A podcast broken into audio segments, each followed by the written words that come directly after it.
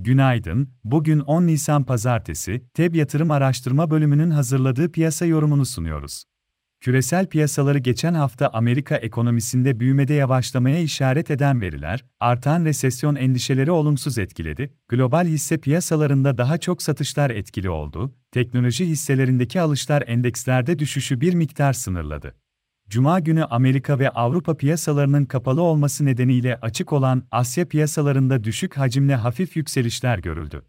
Hafta başında Avrupa piyasalarının önemli kısmı yine kapalı, Amerika piyasalarında işlemler yeniden başlıyor. Haftaya başlarken Amerika endeksleri vadeli tarafta yatay, Asya borsaları haftaya genelde olumlu tarafta başladı. Amerika'da cuma günü açıklanan beklentilere yakın gelen tarım dışı istihdam rakamları sonrası dolar endeksi ve Amerika tahvil faizleri yükseldi, ons altın geriledi, ons fiyatı haftaya başlarken 2000 dolar seviyesinin altını test ediyor. Küresel tarafta hafta başında piyasalar üzerinde etkili olacak önemli bir veri bulunmuyor. Amerika'da bu hafta enflasyon rakamları önemli olacak, çarşamba tüfe, perşembe üfe gelecek, ayrıca hafta ortasında Fed'in son toplantısına ilişkin tutanaklar bulunuyor. Amerika'da ilk çeyrek bilançoları da bu hafta bankalar ile açıklanmaya başlanıyor. İçeride bugün Şubat ayına ilişkin cari işlemler dengesi verileri takip edilecek.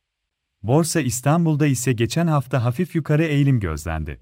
BIST endeksinde hafta içinde 5000 ara direnç seviyesinin üzeri test edildi. Haftayı 4924 seviyesinde kapatan endekste haftalık bazda %2.32 yükseliş gerçekleşti.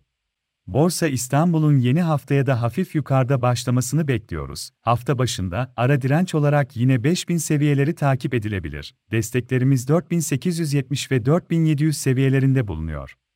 Hisse tarafında ise endekste toparlanma hareketi içinde teknik olarak Aksa, Aselsan, Biotrend Enerji, Çemtaş, Ford Otosan, Kardemir'de, Koç Holding, Mavi Giyim, Pegasus, Şok Market, Türk Hava Yolları hisselerine olumlu tarafta bakılabilir.